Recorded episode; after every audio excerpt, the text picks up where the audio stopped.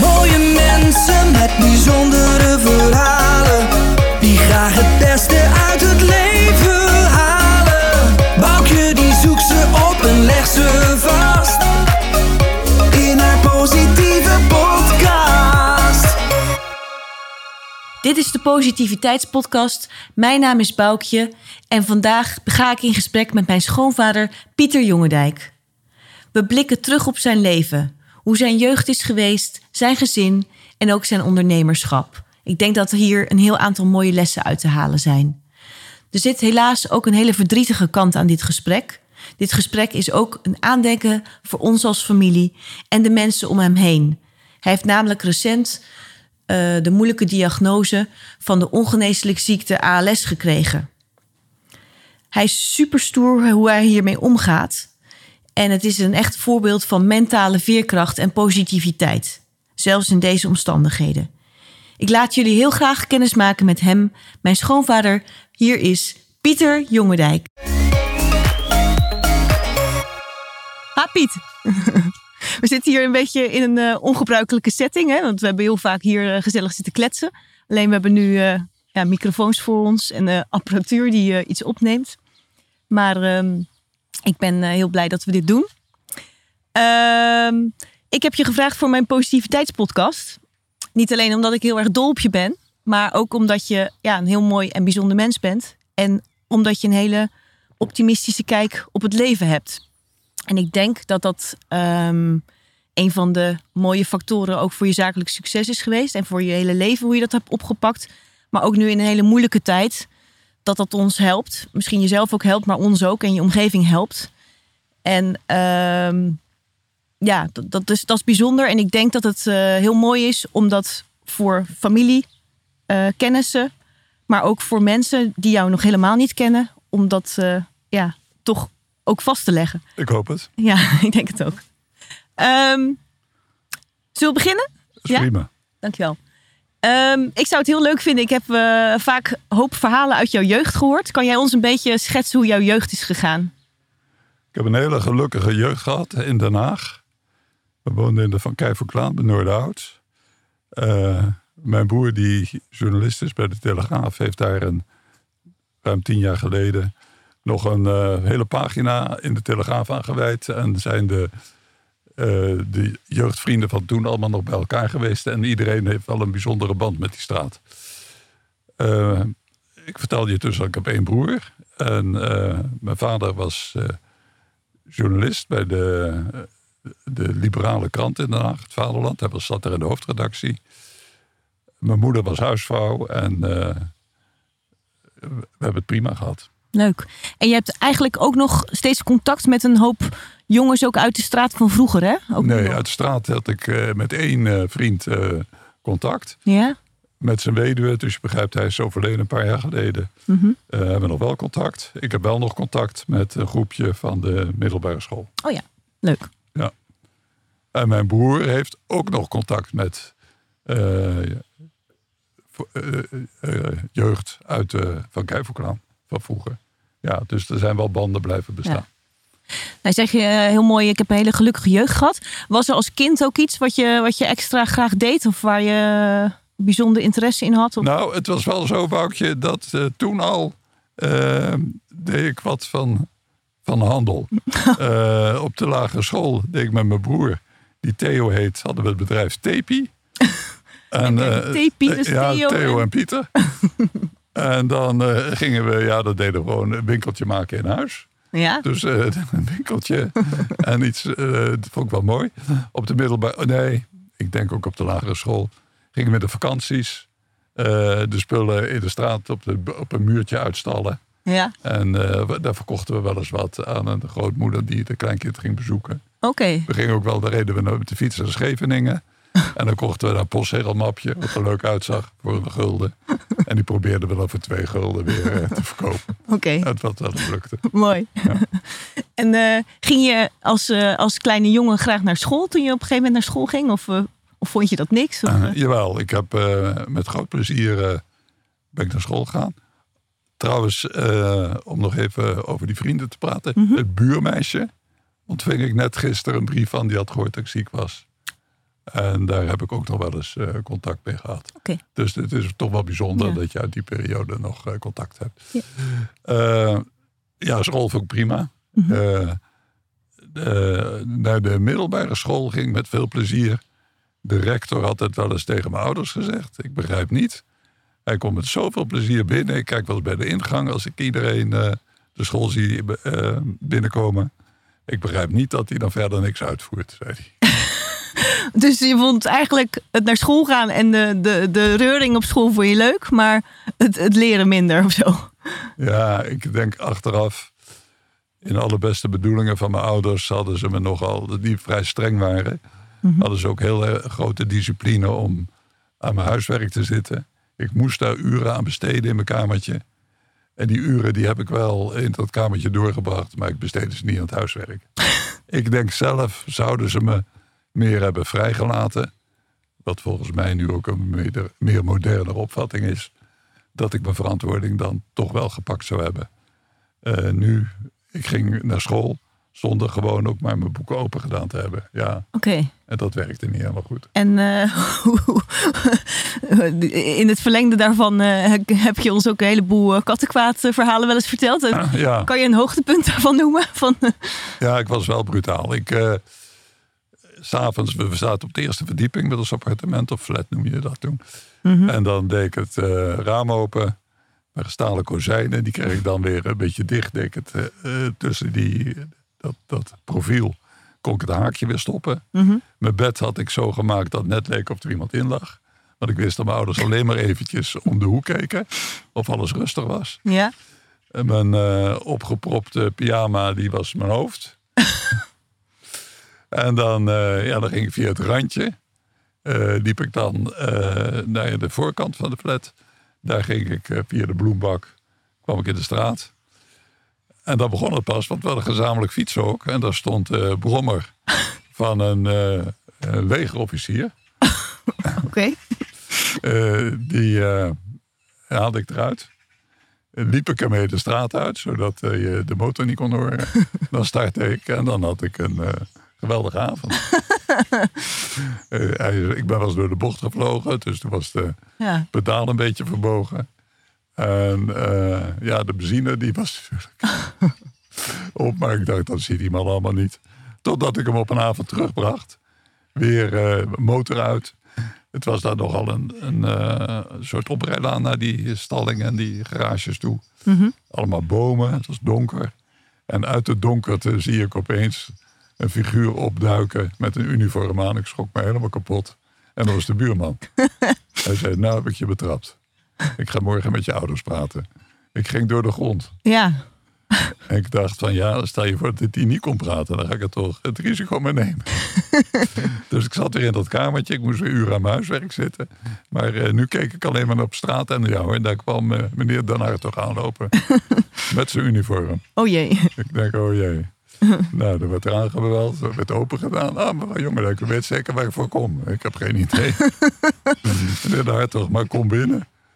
Nou ja, even daarna stonden mijn ouders dus eh, bij hem in de kamer. Dat was niet zo best, Boukje. Nee, nee, maar dat, eh, dat zijn wel de grappige dingen. En, eh, en met school zal, zal er ook wel het een en ander gebeurd zijn. Maar Mijn, mijn vriendje aan de overkant, die recentelijk is overleden... die deed het eigenlijk nog eh, brutaler. Die nam de Mini Cooper van zijn moeder mee. oké. En, op, en eh, ja, zonder rijbewijs. Ik was ook nog geen 16 toen ik op die reed. En eh, die pakte in Wassenaar een boom. Dus er stonden Oh. twee agenten voor de deur. Die zeiden, uw zoon ligt in het ziekenhuis. Nou meneer, dan zitten jullie wel verkeerd met de administratie. Want die ligt hier lekker in bed. Ik zou toch even gaan kijken, zei die agent. Ja. Hij had gelijk. Dus jullie waren, jullie waren lekker bezig in die tijd. nou, als ik dat zo, eh, als ik daar zo naar kijk, dan denk ik, nou, je, je vrijheid vond je heel belangrijk volgens mij. En je hield ook wel van een geintje. Volgens Ja. mij, dat is tot op de dag van vandaag nog steeds. Ja. En eh, was er eigenlijk ook als kind al iets dat je dacht van, nou, als ik later ga werken, dan, eh, want je was natuurlijk dan met die handeltjes bezig. Had je daar al een idee van toen je klein was? Ja, ik moest de zaken. Oh, Ik moest de zaken. Ik, mijn vader had er wel in de gaten, want als ik de krant had, dan keek ik allerlei vertegenwoordigers eh, advertenties waar ze een vertegenwoordiger zochten. Ik Ja. denk, dan heb ik een auto. dan kan ik lekker rondrijden. Je hoeft alleen maar te kletsen.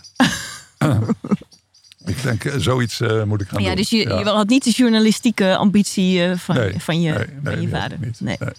Nee. En wat ben je toen na de middelbare school? je hebt de middelbare school, wat, wat heb je gedaan? Ehm, ik ben toen halverwege...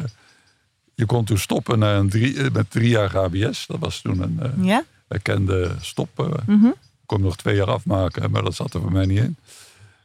Toen ben ik een- sorry dat ik je onderbreek, maar wilde jij graag werken of wilde je gewoon die studie niet? Of, of, wilde Je je... moest natuurlijk wel wat leren. Ja, En mijn ouders hadden een school gevonden in Amsterdam.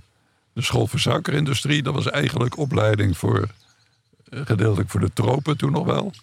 Hij was opgezet voor Nederlands-Indië ja, Suriname. Eh, je kon ook naar de Nederlandse suikerindustrie en je leerde eigenlijk procestechnologie. En dat was wel op een eh, redelijk niveau. Want je eh, kon daar een verkorte opleiding krijgen als je de HBS volledig had afgemaakt. Mhm. Die school vond ik wel leuk. Daar vond ik een beetje praktische dingen in. ja, dus je zegt eigenlijk dat was praktisch en dat was minder in de boeken. Ja, het was wel, ik had dat laboratoriumwerk.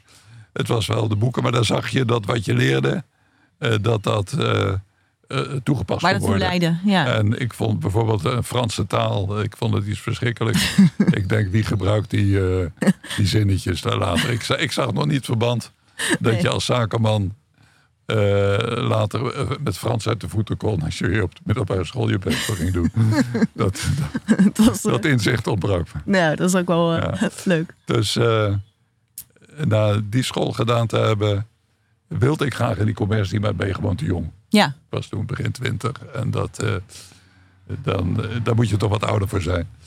Dus toen eh, kwam ik bij een Amerikaanse verffabriek terecht op het laboratorium. Maar ook daar liep ik elke dag wel even naar de commerciële afdeling. En dat vond ik geweldig. Die mensen hadden een groot project in de Bahama's.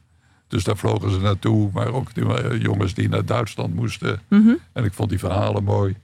Dus daar maakte ik wel kenbaar. Ik zeg, ik wil weg bij dat laboratorium. Ik wil bij jullie komen werken. Dat zat er ook wel in. Maar eh, eh, dat, dat mo- moest nog wat jaren duren. En toen zag ik een advertentie in de krant waar wel iemand gezocht wordt eh, voor een verffabriek. En zo is het eigenlijk begonnen. ja. En dan wil ik eigenlijk nog heel even terug, Piet. Van, want ehm, Carla, je vrouw, heb je volgens mij al daarvoor leren kennen. Of Ja. is dat? Carla was, eh, eh, zat eh, in mijn vriendenclubje. Oké, Tenminste, daar, daar kwam ze in. Doordat ze daar iemand leerde kennen. En ik zag haar met de mooie benen en de korte rok ook altijd langslopen. En daar ben ik dus achteraan gegaan. ja. Dat was heel moeilijk. Want de vriendinnen zeggen, ze- zeiden van dat ze best wat beters kon krijgen. Maar je liet je niet eh, ik tegenhouden. liet me Je niet was niet te stoppen. Nee. Ik, mijn verkoopkwaliteiten kwamen toen al naar voren. Dat ik mezelf toen verkocht heb. Ja, Ja, want volgens mij was er ook nog eh, jouw goede vriend was eh, toch de vriend van eh Carla. ja, ja, inderdaad. Maar dat heb je ook weten te, Inderdaad, ja. op te lossen. ja, ja. Mooi. Nou, dat, dat was toen uit. ja, We waren 19. leuk. We waren 19. Ja. Mooi. Ja. Toen was je net aan het vertellen van, toen kwam je in de schilderswereld. Verf ben ik eerst begonnen. Ja, Ja? Ik, ben altijd, eh, ik ben heel snel weer geswitcht. Ik was erg ongeduldig. Waar zat dat in? Heb je daar een idee over? Van, eh, Positieverbetering. oké, Eh, niet helemaal tevreden met het bedrijf waar ik zat. Eh, Mhm. Ik ben wel altijd heel goed weggegaan. eh, vaak wel wat contacten gehouden. Mhm. Ik was er ook altijd wel welkom op die bedrijven. Eh, ik heb toen een aantal verffabrieken gehad. Eh, tweede, derde fabriek, dat was echt een grote internationale eh, belangrijke speler voor de scheepsverven. Daar was ik, ik- wat ik hoorde, waren er honderd sollicitanten, hebben ze mij uitgekozen. Ik kon het heel goed met die directeur vinden. En eh, ik kreeg ook wat internationale contacten daar via die verffabriek. Had je misschien toch nog Frans nodig? Ja, nee, dat was allemaal in het Engels, gelukkig. Oké. En eh, toen eh, ben ik benaderd geworden door een, eh, een van de grote schildersbedrijven. Dus toen hoefde ik eigenlijk niet meer te solliciteren. Die Maar dat waren eigenlijk klanten toen? Of, eh, dat waren klanten, er jij waren mensen die kwamen. Ja, En die, die zag daar, daar eh, bij eh, die zaak, daar loopt wel iemand die eh, wat zijn mars heeft, denk ik dan, dat ze van me dachten. Dus die hebben me benaderd. Ja? Ik denk, nou ja, als ze me benaderen, dan eh, zal ik maar een grote broek aantrekken. dus ik noemde een eh, enorm salaris. Toen zeiden ze, nou, u heeft nogal eh, hoge dunk van uzelf. Dus eh, probeer het maar waar te maken. En toen eh, ik had, kwam ik terug bij, mijn, bij de fabriek. Ik zeg, ja, ik, ik heb een baan, een nieuwe baan. Wat ga je verdienen? Dus ik noemde het. Oh ja, daar kunnen we niet tegenop. Dan moeten we je laten gaan. en ja, zo is het gekomen. Mooi. En daar heb ik eigenlijk heel snel ook weer carrière gemaakt. Want dat beviel me heel goed, die, dat schildersbedrijf. Ja. En het werk daar eh, de, was direct gro- groter. Als je een ton verf verkoopt, is schilderwerk eh, zeg maar die, eh, een miljoen. Ja. Dus in plaats van een ton had ik dan een opdracht van een miljoen. ja, want het waren grote schilderwerken. Dus denk Ja, aan schepen ik of zat bruggen. altijd in de, in de constructie. Ja, Stralen schilderen. ja. Dus petrochemische industrie. Mhm. De grote scheepvaart. Mooi. En ehm, op een gegeven moment ben je het ook voor jezelf... Wilde je het voor jezelf gaan doen? Of, of hoe was dat? Ah, ook hier ben ik gaan wisselen. Bij de eerste baas kreeg ik toch eh, een, eh, een meningsverschil.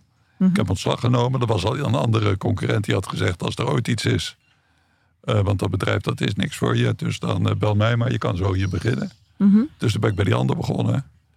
Daar was een fijne, fijne kerel. Maar ik vond hem verschrikkelijk zagrijnig. Het grappige was, toen ik daar kwam de eerste dag... zei hij, ga deze offertes behandelen, deze aanvraag. En die aanvraag was van een bedrijf in Brabant. eh Staalstraal Brabant. eh, die ik goed kende, want daar had ik veel verf aan verkocht. En die hadden een aanvraag om een eh, opslagtank in de Europort te schilderen. En mijn nieuwe baas die had gedacht, ik wacht even dat Jongendek er is. Dan kan die direct aan de slag. Mhm. Dus ik zit dat uit te rekenen waar hij bij zat. En eh, ik bel uh, Staatsdag Brabant op. Ik zeg, eh, ik werk nu bij eh, Bouwman. En eh, ik heb hier die offerte die jullie aangevraagd hebben. Nou, dat is wel een beetje laat. En, eh, het is dat jullie nu bellen. Het is dat je nu belt. Want eh, wij eh, we zitten hier op te wachten en het moet snel gebeuren. Mhm. Dus ik noem hem eh, de prijs. Ze kenden mij. En ze zeiden direct, dat is goed. Wanneer, wanneer ga je beginnen? Ik zei, wanneer moeten we beginnen? Hij zei, maandag. Ik zei, dan gaan we maandag beginnen. Dus ik hang op. En mijn baas in alle staten. Hoe kan je dat nou zeggen? Je komt hier net binnen. Je weet helemaal niet hoeveel personeel we hier hebben. en wat onze orderportefeuille is. We kunnen maandag absoluut niet eh, met iets gaan beginnen. En hoef je, moet je daar geen overleg over hebben? Ik zei, nou, ik, ik los het wel op. Dus ik bel een... eh, ik zat natuurlijk in die wereld. Ik bel een relatie op die me goed vertrouwde. Waar ik veel aan uitbesteedde. Ik zei, Wim, je moet eh, dat en dat werk doen. Dat zijn de afmetingen, dat is de verf, dat is dit, dat is bestek. En je krijgt er zoveel voor. En je moet maandag beginnen. Hij zei, Pieter, dat komt in orde. Dus ik zeg, het is uitbesteed. En dat is je marge, dan verdien je eraan. Achteraf heb ik gehoord, hij is naar zijn stamkroeg in Rotterdam gereden. Je baas. Ja. Ja? En hij zei daar tegen zijn eh, maatjes die er ook zaten. Hij zei, ik heb nou een vent in niets genomen. Dat hou je helemaal niet voor mogelijk. ja. Dus, maar deze man was eh, naar buiten altijd, zo kende ik hem ook, heel vrolijk en positief. Maar in het bedrijf was die ongelofelijke zagerij. Nou vind ik het wel grappig om hier heel even op in te gaan. Want ehm, als je dat zo als buitenstaander hoort, dan denk je, oeh, dat is best wel eng als je dat op je eerste dag zo zegt. En maandag is dan al heel snel. En eh, ja, je zegt het nu best makkelijk, maar voelde je je zenuwachtig of had je zoiets Nee, van, ik dat geloof het komt wel niet. Ik goed? geloof het niet. Ik dacht dat ik het toen wel Je wist gewoon, ik heb een goed dat netwerk. Ik, eh, ja, dat ik het eh, gewoon kon managen. ja. Het is ook gewoon heel goed gelopen. En zo, Ja. en zelfs in die zin, dat uh, Staalstraal had wel eens vaker werk. Wat ze aan diverse mensen uitbesteden. Ze hadden altijd gedonder. En eh, dit werd vlekkeloos uitgevoerd. En toen eh werden de omzet die ik bij eh Gijs Bouwman, dat bedrijf heette zo, Mhm. Eh, toen bij Staalstraal realiseerde, was het eerste jaar, was toen al een miljoen gulden. En dat was heel veel. Het was eh, in één klap een van zijn grootste klanten. Maar hij vond het, eh, het was niet zijn klant. Het was een man die altijd als eh, solist gewerkt had. Mhm. Dus hij moest er enorm aan wennen dat er iemand in zijn bedrijf was die ja, ook zelfstandig dingen aanpakte. En hoewel we het persoonlijk heel goed bij elkaar konden vinden, was dat zakelijk, eh wrong dat een beetje.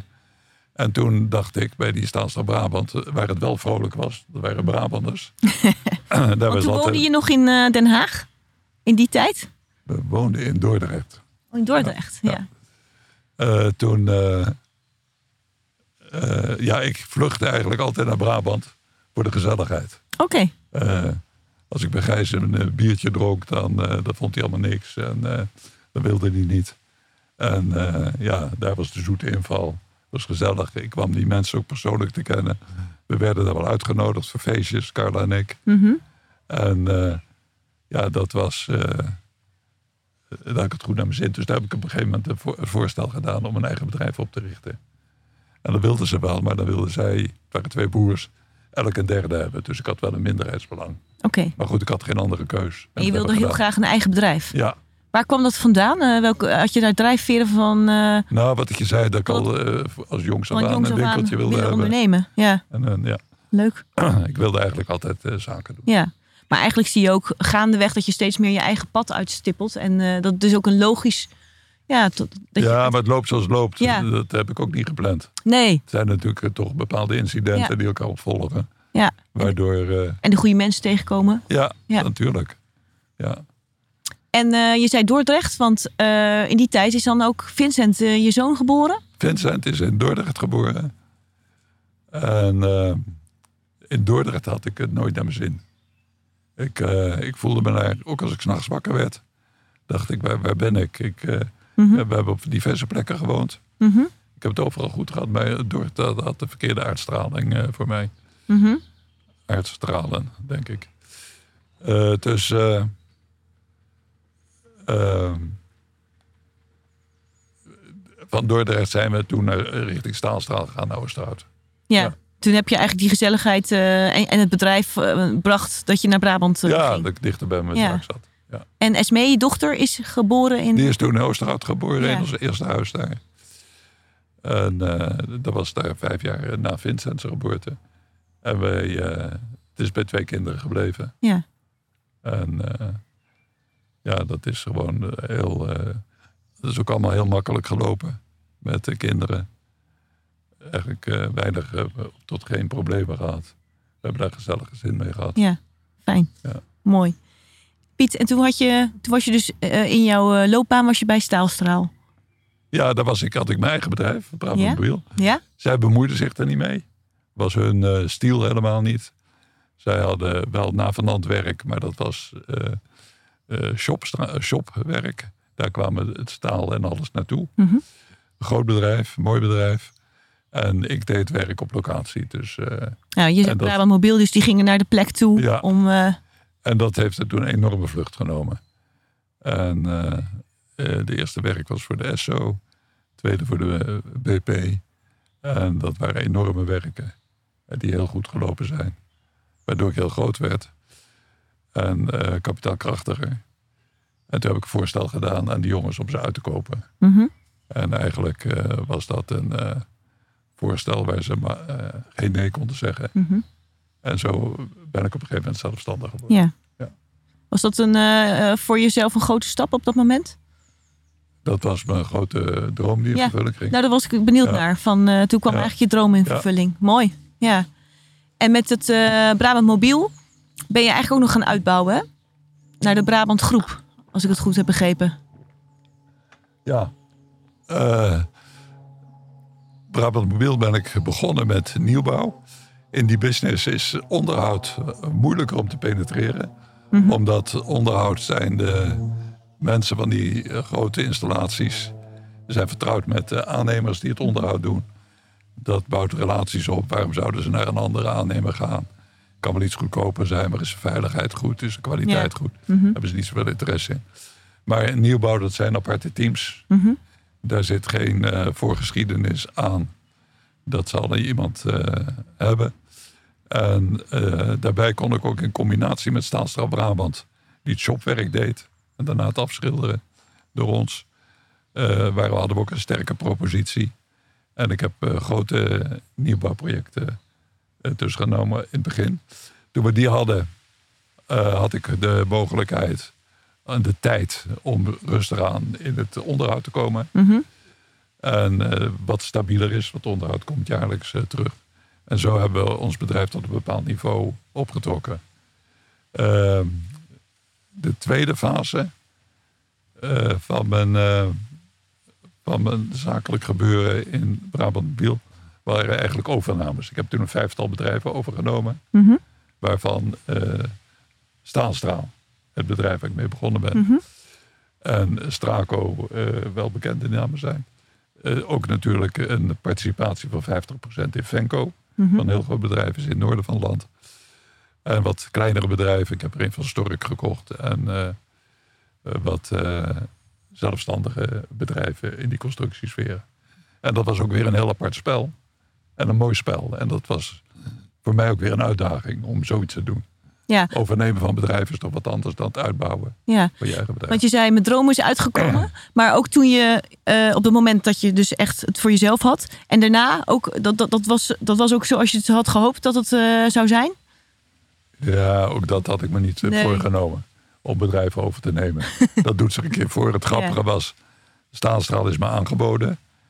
Die hadden eigenlijk al een deal gesloten met een koper. En eh, die hadden al een contract zelfs gesloten. En toen zagen ze toch dat er een puntje was wat hun niet beviel. En dat was de... Dus ik kreeg eigenlijk geen boter bij de vis. Dat, dat, dat werd pas in een aantal jaren eh, uitbetaald. En toen dachten ze, we moeten eigenlijk die deal sluiten met een, eh, iemand die direct kan betalen. Mhm.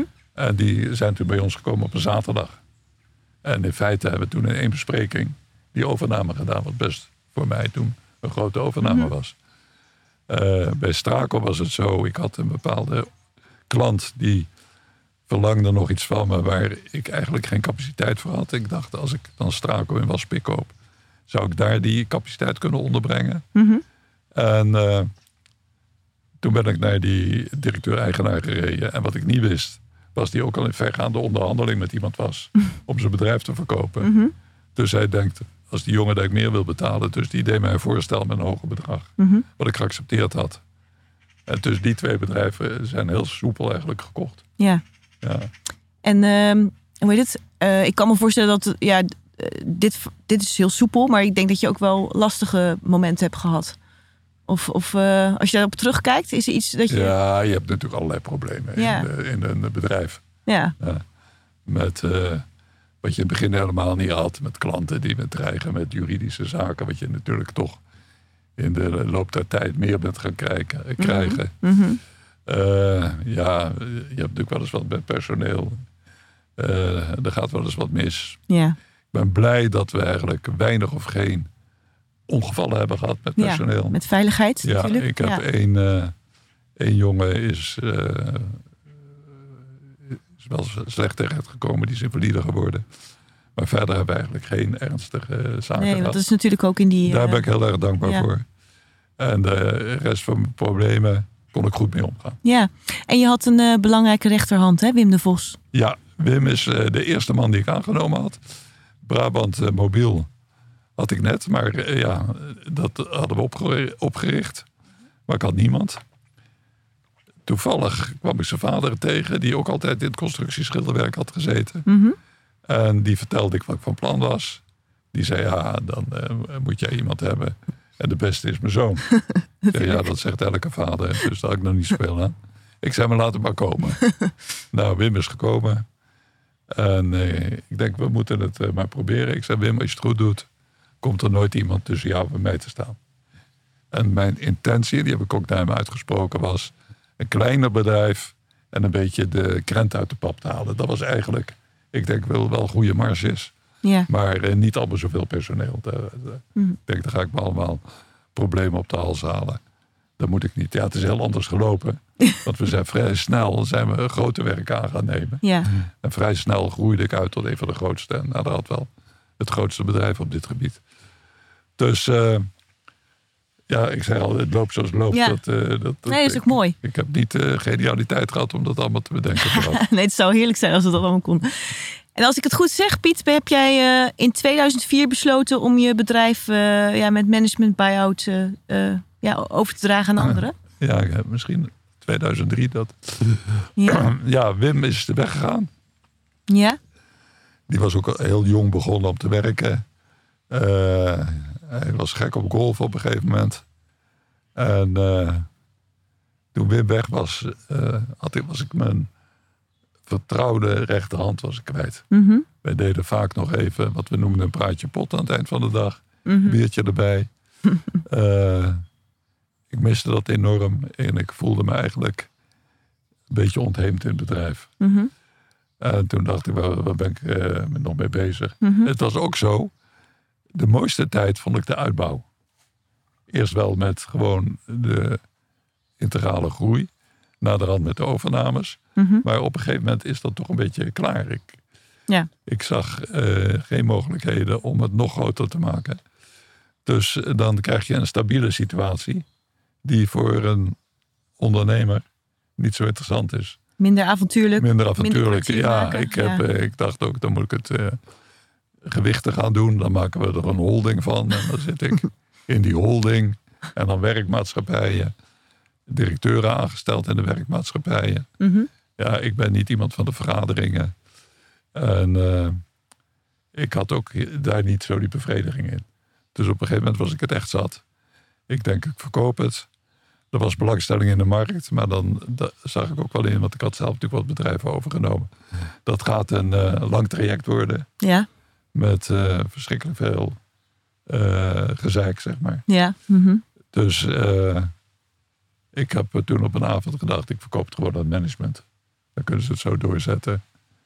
En ja, zo is het ook gebeurd. ja. En dat kon snel. Ja.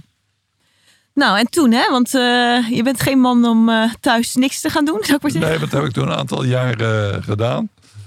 Ik dacht toen, ik weet precies hoe het gaat, dus ik heb wat geïnvesteerd. Ik had een, eh, een investering in een eh, riviercruise eh, gebeuren. Oké. Mhm. Eh, ik had eh, nog wat bedrijven waar ik geld in investeerde. Lang verhaal kort te maken, daar ben ik gewoon allemaal kwijtgeraakt. Door, om verschillende redenen. Eh, daarnaast moet je wat te doen hebben. Dus Maar zat, hoe ging je daarmee om? Want dit gaat best makkelijk, zoals je het nu zegt. ik zal het je vertellen. Dan zat ik flink op de beurs. Toen kwam 2008. Ja. Eh, ik had veel in de financials. Die gingen allemaal onder. Jeetje. Eh, de ene noodbericht na het andere kwam binnen. Ja. Eh, dat was wel hard. Mhm. ik, oh, ik lag er niet van wakker, want dat heb ik nooit gedaan eigenlijk. Maar ik werd er niet vrolijker van. Mhm. En ja, als het steeds negatief is en er gaat steeds een, een significant bedrag eraf, dan eh, extrapolerend kom je er dan op uit dat je niks overhoudt. Nee. En ik dacht altijd, joh, als ik weer een keer niks overhoud, dan eh, start ik weer opnieuw. Maar je leeftijd gaat meespelen. Mhm. De wereld verandert. Ik voelde gewoon, dit, dit, dit zou me niet meer een tweede keer lukken, dit, eh, Mhm. dit trucje. Eh, de markt ging weer wat veranderen. Mhm. De verliezen waren eigenlijk nog wel allemaal te dragen. Ik kon op een goede manier doorleven. Dus het was wat minder mooi, maar nog steeds heel erg mooi. Eh, maar ik kreeg toch wel weer zin om ook iets te gaan doen wat ik wel in mijn hand had. Mhm. Dat investeren in bedrijven, dan laat je toch aan anderen over. Ja. En, en als je het zelf doet, eh, dat is gewoon beter. Dus eh, toen kwam ik iemand tegen, die ging naar de vastgoed eh, executieveiling in Rotterdam. Ja. En ik zei, nou wil ik wel eens met je mee. Dus ik zit daar en heb je van die lichtbeelden. En dan zijn er mensen aan het bieden en aan het mijnen. En er ging ook een huisje in de dwarsstraat in Schiedam. Dus ik vraag die meneer bij me dat fotootje. Is dat hele huisje nu wat ze veilen of is dat maar de helft? Hij zei, ik weet het niet. Maar ik vond het bedrag nogal laag. Dus ik roep ook maar uh, mijn. Ik was op tijd. Ik was nog bang dat anderen boos op me zouden zijn. Omdat ik het voor hun neus had weggemijnd. Maar ja, Want je kent het spel eigenlijk nog niet. Of? Nee, ik ken het helemaal niet. nou, toen kwam ik thuis. Het, eh, ik geloof dat de aankoop 80 of 90.000 eh, gulden was, hè? Was het euro's? Eh, ik denk dat het guldens waren. Dus, eh, ja, ja, dat waren guldens. Absoluut, dat kan niet. Sorry hoor. Nee, euro's, ja. En... eh, ik ben thuis eh, gaan internetten en gaan zoeken van die woning. En eh, eh, ik maakte me er reuze druk over. nou, ik heb hem nog niet verkocht, maar hij is al jaar verhuurd. en eh, eh, toen ben ik eigenlijk bij de veiling niet meer weg, eh, weggegaan. Nee, want daar, is natuurlijk, daar zijn een heel aantal ingrediënten die je leuk vindt. Daar is avontuur, daar zijn Ah. mensen. Ik had altijd al gedacht, een veiling vind ik ook leuk. Ik was wel eens ergens naar een veiling gegaan. Ja, Maar ik, ik vond dat ontzettend leuk. ja, Het zijn natuurlijk allemaal handelaren. ja. En eh, ja, het- duurt natuurlijk even wat tijd voordat je daar echt eh, thuis bent. En jij de mensen kent Mhm. en de mensen jou kennen. Maar dat is toch vrij vlot gegaan. En eh, ik heb me daar als een vis in het water gevoeld. Mhm. En doordat, je komt dan ook met ander vastgoed in aanraking. Dus ik ben toen helemaal overgegaan. Eh, ik ben weggegaan bij de beurs. ja. Eh, Je bent echt in de stenen. ik ben echt in stenen gegaan. Mhm. Ik ben gaan beleggen in stenen. Ik ben gaan handelen in stenen. En eh, samen gaan werken met allerlei mensen. En ik heb daar een tweede carrière opgebouwd Ja. waar ik heel veel plezier aan had. Ja, superleuk. En wat me ook wat voldoening gaf, dat ik dacht, nou, dat is nog een spelletje wat ik ken. Ja, maar ook een spelletje wat je heel erg leuk vindt. Ja, waar je, waar je ogen van gaan twinkelen. Ja, En, maar dat eh, had ik in de aannemerij ook hoor. Dat ja. heb ik ook van Nee, maar het is wel mooi dat je dat weer in een tweede carrière hebt kunnen vinden. Ehm, Piet, wat nou ehm, wel leuk is om er heel even als een helikopter boven te gaan hangen. Van, je hebt natuurlijk een hele mooie ondernemerscarrière. Hm. Kan jij voor gewoon eh, mensen die een start-up willen beginnen, kan jij aangeven, heb jij iets van, ja, wat zijn, wat zijn nou dingen die belangrijk zijn in dit hele verhaal als je wil ondernemen? Moeten ze naar de boekhandel gaan? Daar heb je hele eh, rijen boeken. Hoe word ik een goede ondernemer? Die kunnen ze allemaal lezen. Ja, ik denk dat het, het zaadje moet natuurlijk bij iemand vallen. Ik kan wel een advies geven. Ik heb zelf, denk ik, eh, mijn... eh, no- noem het dan succes. Het is natuurlijk ook allemaal bescheiden. Het is maar hoe je het ziet. Ja, Ja. het is maar hoe je het ziet. Dat eh, begrijp ik ook wel. Maar eh, ik kon eh, goed met mensen altijd op eh, vinden. Ik had altijd wel een gunfactor. Mhm, Mijn relaties, daar had ik snel een hele goede band mee. mhm. En eh, ik heb altijd mijn best gedaan om, wat ik zei, om dat na te komen. Ja, ik dat heb op een gegeven moment ben ik in de scheepvaart gekomen, wat heel moeilijk was, was een hele gesloten markt. Mhm. En ik kwam voor me binnen. En die, eh, ik herinner me dat ik een dag, ik moest altijd bij die inkoper aan zijn bureau gaan zitten aan de overkant. Mhm. Dus ik kom daar en er staat koffie. Ik zeg, oh, er zit hier iemand anders. Nee, dat is, eh, u zit daar. Mm. Ik zeg, maar er staat koffie van iemand. Hij die koffie is ook voor u. ik zeg, maar kom net binnen. Hij zei, ja, maar ik weet, u bent altijd op tijd. Oh, Kijk, en de mensen beloven van alles. ja. En ze beloven de levertijden en dat ze dat nakomen. En, ze, en dan denkt zo'n inkoper, die denkt, ja, dat kan hij nog wel beloven. En hij kan wel zeggen dat hij altijd zijn afspraken nakomt. Maar ik had om tien uur met hem afgesproken en ik kwam om half elf binnen, Ja. zonder excuses. Ja. Dus wat heb ik aan die beloftes als hij nu al aangetoond heeft ze niet te houden? En ik was daar gewoon precies in. Ja. En daarnaast, eh, ja, wat ik zei, had ik eh, de gunfactor. Ja. Nee, maar dat, dat, dat is ook iets wat je zelf opbouwt, hè? Van, Ja. eh, je relaties bouw je op. En eh, ook dat met je afspraken nakomen. Als je dat doet, dan, dan bouw je ook vertrouwen op. En dan, Dan bouw je vertrouwen op. En dat is heel belangrijk. een factor. En natuurlijk heb je, ja, ik wil nog wel één dingetje noemen. Ik kon ontzettend makkelijk delegeren. Ja, Ik ging er altijd vanuit dat een hoop taken anderen beter konden dan ik. nou, dat en wel mocht het ook doen. Ja. En daar had ik ook nooit problemen mee. Nee, en volgens mij ook nog, ehm, je kan heel snel beslissen. Ja, Dat is in een heel aantal, als je deals of andere dingen, denk ik dat het ook erg belangrijk is. Ik denk, ik moet er ook niet te veel lang over nadenken. Wordt erg ingewikkeld. Ja. Ja. Ik eh, kan het snel beslissen, ja. Piet, en nou heb je eigenlijk die, eh, die, die tweede carrière, die heb je zo'n 15 jaar eh, ben je nu aan het doen. Ehm, ik ben net in allerijl zelfs vergeten te vertellen ehm, dat we eigenlijk ook een verdrietig accent aan dit verhaal hebben. ja. Dat je ehm, eind april de diagnose van een ongeneeslijke ziekte ALS hebt gekregen. Ehm, nou, daar gaan we zo eventjes nog wat verder op in. Maar dat was ik eigenlijk helemaal vergeten. Ik ben je kleindochter. En het bijzondere doet zich nu voor dat jij met je bedrijf recent hebt gevraagd aan je kinderen en aan mij of we het over kunnen nemen. ja. Nou, dat is een ontzettende eer voor ons. Nou, voor mij heel fijn. Ja. En eh, heb je voor ons, gewoon als je kinderen, zeg maar, noem ik mezelf ook even kind, heb je voor ons nog een tip of een raad? Nou, vele denk ik. Maar daar zullen we in de komende gesprekken Ja, ja. Wel, eh, Ja, wel opkomen. Ja, wat ik natuurlijk als vader gewoon hoop, of als eh, grootvader, als, eh, is dat alles mooi in harmonie blijft gaan.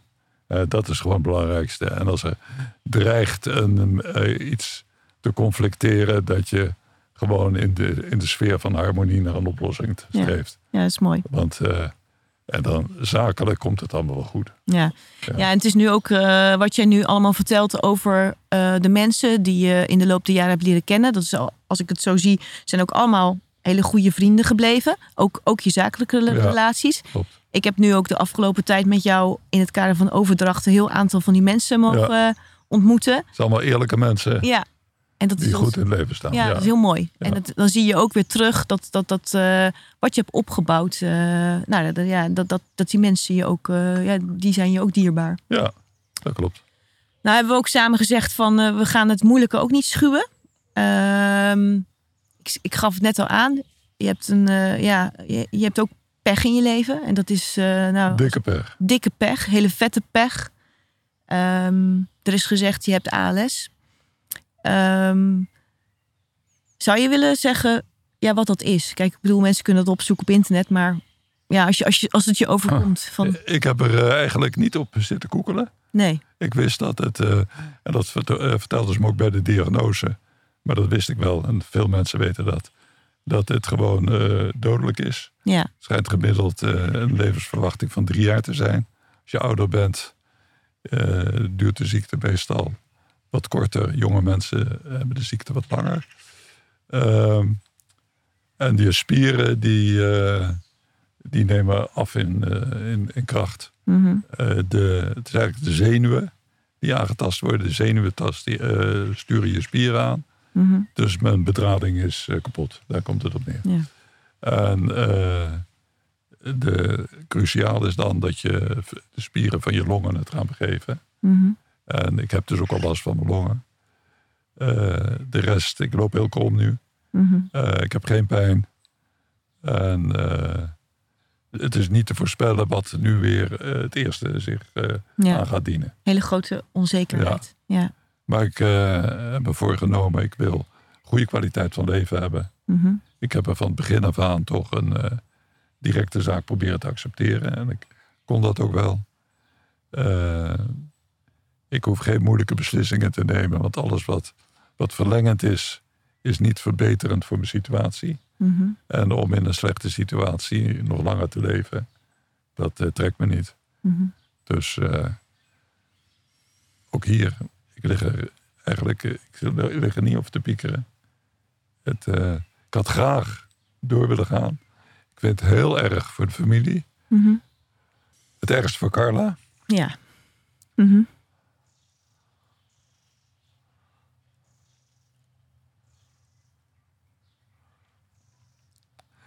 Eh, kijk, voor mezelf is het eigenlijk eh, min of meer het makkelijkste. Ik stap er gewoon uit. Mhm. Eh, maar eh,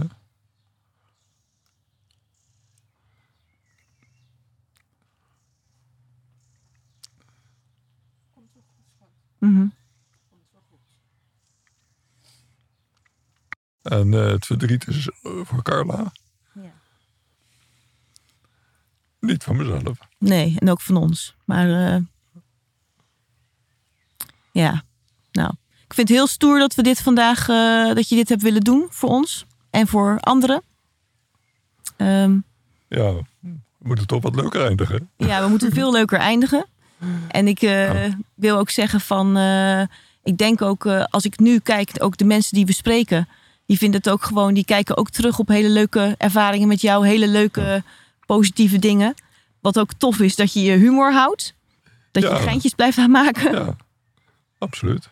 Ja. En eh, ja, misschien is. Ja, ik ben niet anders nu dan, eh, dan voor de ziekte. Nee, Eh, alleen ik mis natuurlijk mijn energie. ja. Dat is vervelend. En Ja. slaap wat minder omdat ik met mijn luchtproblemen heb. Ja, Maar verder is prima. ja. Ja. Oh. Ja. ja. Zijn er nog dingen waarvan je zegt van, eh, nou ja, dit waren zulke mooie dingen in mijn leven van, eh, want we hebben natuurlijk ook met elkaar hebben wij heel veel dingen gedaan. Ja. Ik ben al best wel eh, jong bij jullie in het gezin gekomen. Ja. We hebben ontzettende mooie reizen gemaakt met elkaar. Heb je zelf nog dingen waarvan je zegt van, nou, dat vind ik zo, ja, zo Kijk, fijn geluk geweest? kan natuurlijk bestaan uit pieken en dalen. Mhm. Maar mijn geluk heeft toch altijd op een vrij hoog niveau gelegen. Ik heb altijd eh, gelukkig en bevoorrecht mens gevoeld. Mhm. En eh, ja, die, eh, ik heb veel hoogtepunten gecreëerd. In de zin met feestjes en uitjes. En Lekker eten. ja, Ja. maar ja, dat, dat, dat, dat zat al hoog. En natuurlijk krijgt iedereen zijn dieptepunten. Maar als je goed op je geluksniveau staat, en dat hoop ik ook voor Carla voor de verwerking, dat eh, die dieptepunten, die, die kun je ook weer snel naar het niveau van geluk brengen. En om nou te zeggen, joh, dit was de mooiste reis, of Nee. of dit was de eh, mooiste skivakantie. Het was allemaal even Ja, mooi en alle, alles is anders. Ja, alles is anders. En de, de ene is dit eh, de- het leuke eraan en het andere het andere. Eh, nee, ik heb eh, gewoon fantastisch eh, geleefd. ja. Ja. En, en nog steeds, ik bedoel, Ja. het is nog steeds eh, fijn. eh, Absoluut. oh, Ja, die hebben we ook nog. Ja. ja. Je bent echt een goede oma. Ja, het, is, het ging alleen maar over dat zakelijke. Wat nee, maar natuurlijk, dat is, dat is leuk. wat natuurlijk maar gewoon één aspect is van het leven. Ja. En als je nu terugkijkt en je zegt geluk, dat, dat zit niet in een mooie auto die je gereden hebt of, of die mooie reis, maar dat zit eigenlijk in de dingen, bedankt Carla dat jij het ook zegt, die dichtbij zijn. Ja. Ik ben heel blij dat jullie met de zaak doorgaan. En eh, ik ben heel blij dat, dat die harmonie dat die er is. Mhm. En ik ben heel blij dat eh, de kleinkinderen hier veel komen. En, ja. eh, en, en dat het ook heel goed gaat. En dat die ook gezond zijn. Kijk eens, als ik dit gekregen had op mijn eh, twintigste of op mijn dertigste. Ja. En dat gebeurt. Mhm. Ja, dan kan ik me voorstellen dat ik verschrikkelijk kwaad was geworden. ja. Want dan word je enorm veel afgenomen. Hè? En als je kleinkinderen ziek zijn. En dat zou ernstig zijn. Dan is dat hetzelfde. Mhm. Dus eh, ja, waar hebben we het over? Als, we, als ik, ben, ik ben nu 73. Ik ben ouder dan mijn ouders geworden zijn. Mijn grootvader was niet zo oud. Ik heb een paar oma's, eentje die werd er meer dan 100. Dat, eh, dat lukt me niet.